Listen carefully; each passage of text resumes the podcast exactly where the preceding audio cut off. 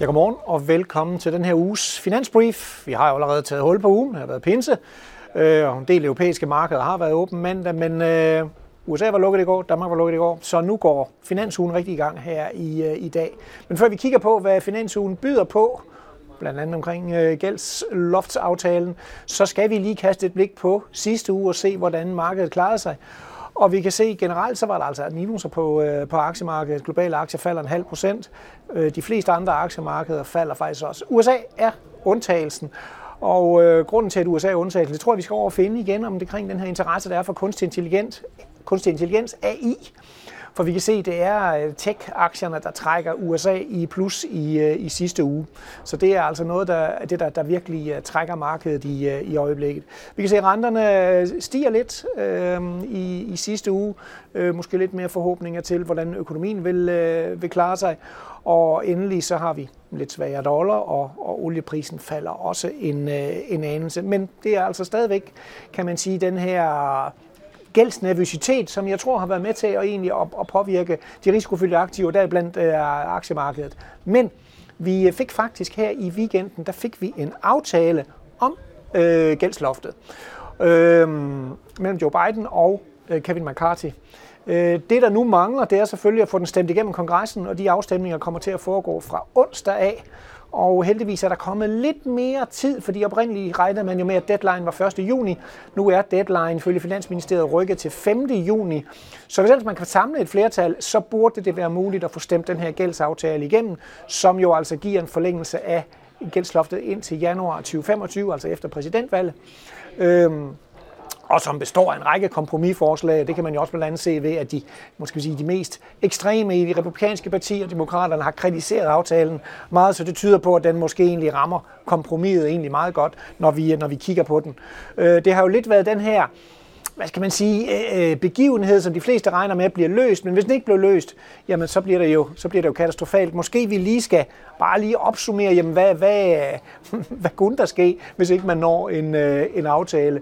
Og derfor har jeg taget en grafik med fra 2011, som faktisk viser, hvordan, øh, ja, hvordan både den amerikanske rente, 10-års rente, og hvordan SP500 reagerede, da der var usikkerhed om gældsloftet i 2011, og USA fik deres kreditværdighed nedjusteret. Vi kan se, vi har altså nogle ganske pæne fald, ja, faktisk både i rente, som jo sikker havn, men jo også i SP500, som falder de her ja, over 15 procent, øh, der der var nervøsitet. Man nåede at få hævet loftet i sidste sekund, men det er altså noget, som markedet kan reagere rigtig, rigtig kraftigt på.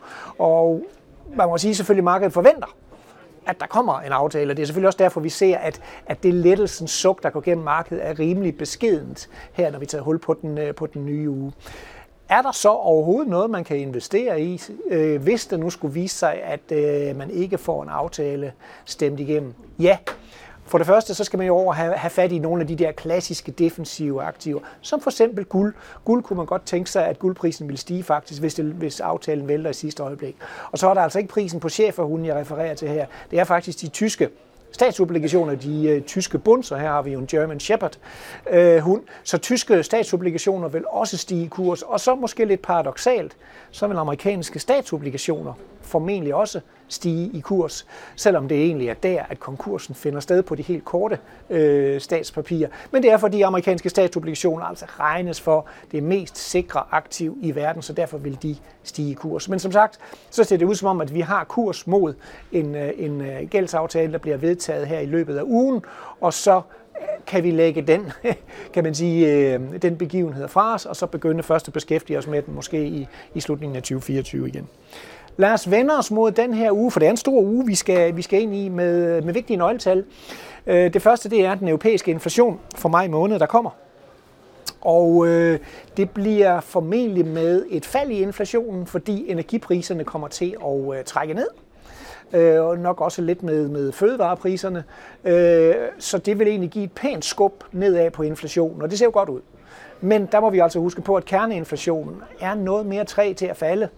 Og altså, at, at der forventer vi kun et lille fald, og det kommer til at gå noget langsommere. Serviceprisinflationen, altså øh, servicepriser, øh, rejser, restauranter, fritid og sådan noget, har jo vist sig at, at have en rigtig kraftig efterspørgsel efter sig, og det er altså med til at holde serviceinflationen pænt oppe, og den skal altså også ned for, at ECB ligesom kan sige, nu er vi altså i mål med det her. Så man kan sige, at øh, det kommer nok til at se lidt bedre ud, end det i virkeligheden er, det her pænt store fald i inflationen, vi får i Europa, fordi kerneinflationen altså ikke falder med samme hastighed. Men selvfølgelig er det da positivt, at, at retningen er, er nedad. Den næste ting, jeg vil highlighte, jamen det er egentlig amerikanske konjunkturindikator, ISM, som jo typisk er den, der er god til at give en pejling på amerikansk økonomi. Den ligger under 50, det vil sige, at den ligger sådan set i tilbagegangsterritorium, og øh, den her gang, den næste melding, vi får, jamen der regner vi med, at vi forbliver ned omkring det her 47 niveau. Det er jo 50 niveauet, der ligesom er skillelinje mellem fremgang og tilbagegang.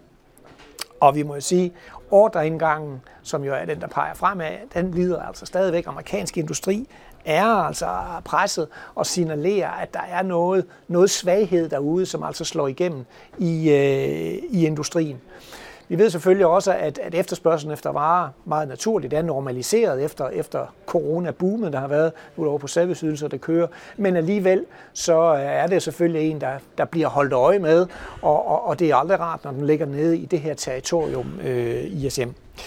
Endelig øh, på fredag, jamen der skal vi have, jeg vil lige vil sige den store amerikanske nøgletal, jobrapporten, som kommer for, øhm, for maj måned. Og arbejdsmarkedet har været i de steder, hvor der virkelig har været, været kan man sige, øh, meget solid.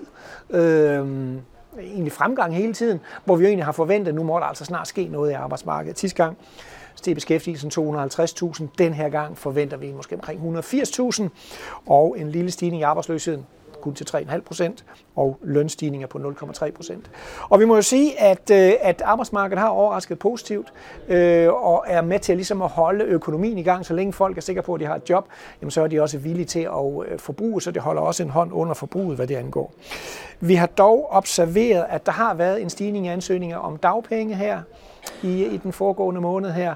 Vi har også set nogle af de konjunkturfølsomme øh, steder har set et, et fald i øh, beskæftigelsen, og øh, virksomhederne har også skåret ned i brugen af vikar, så det signalerer måske, at vi, vi skal noget ned på, på, på jobvæksten, men altså 180.000 er selvfølgelig stadigvæk øh, egentlig ganske solidt, og det ser ud til, at de, der bliver fyret i tech-sektoren, de finder arbejde andre steder, og så er der den her strukturelle mangel på arbejdskraft i, i, i visse sektorer i USA, som jo altså ikke er løst endnu. Så spændende at se, hvad, hvad, hvad jobmarkedet kommer til at, at gøre det, og det skal selvfølgelig også læses igennem centralbankbrillerne, hvor vi jo har en renteforhøjelse tilbage for Fed her i, øh, i juni, og det er klart, at Fed vil jo egentlig godt have, at der kommer noget afdæmpning i jobmarkedet også, så vi kan få en afdæmpning af inflationen. Jeps, det skulle være det hele. Tak fordi du kiggede med.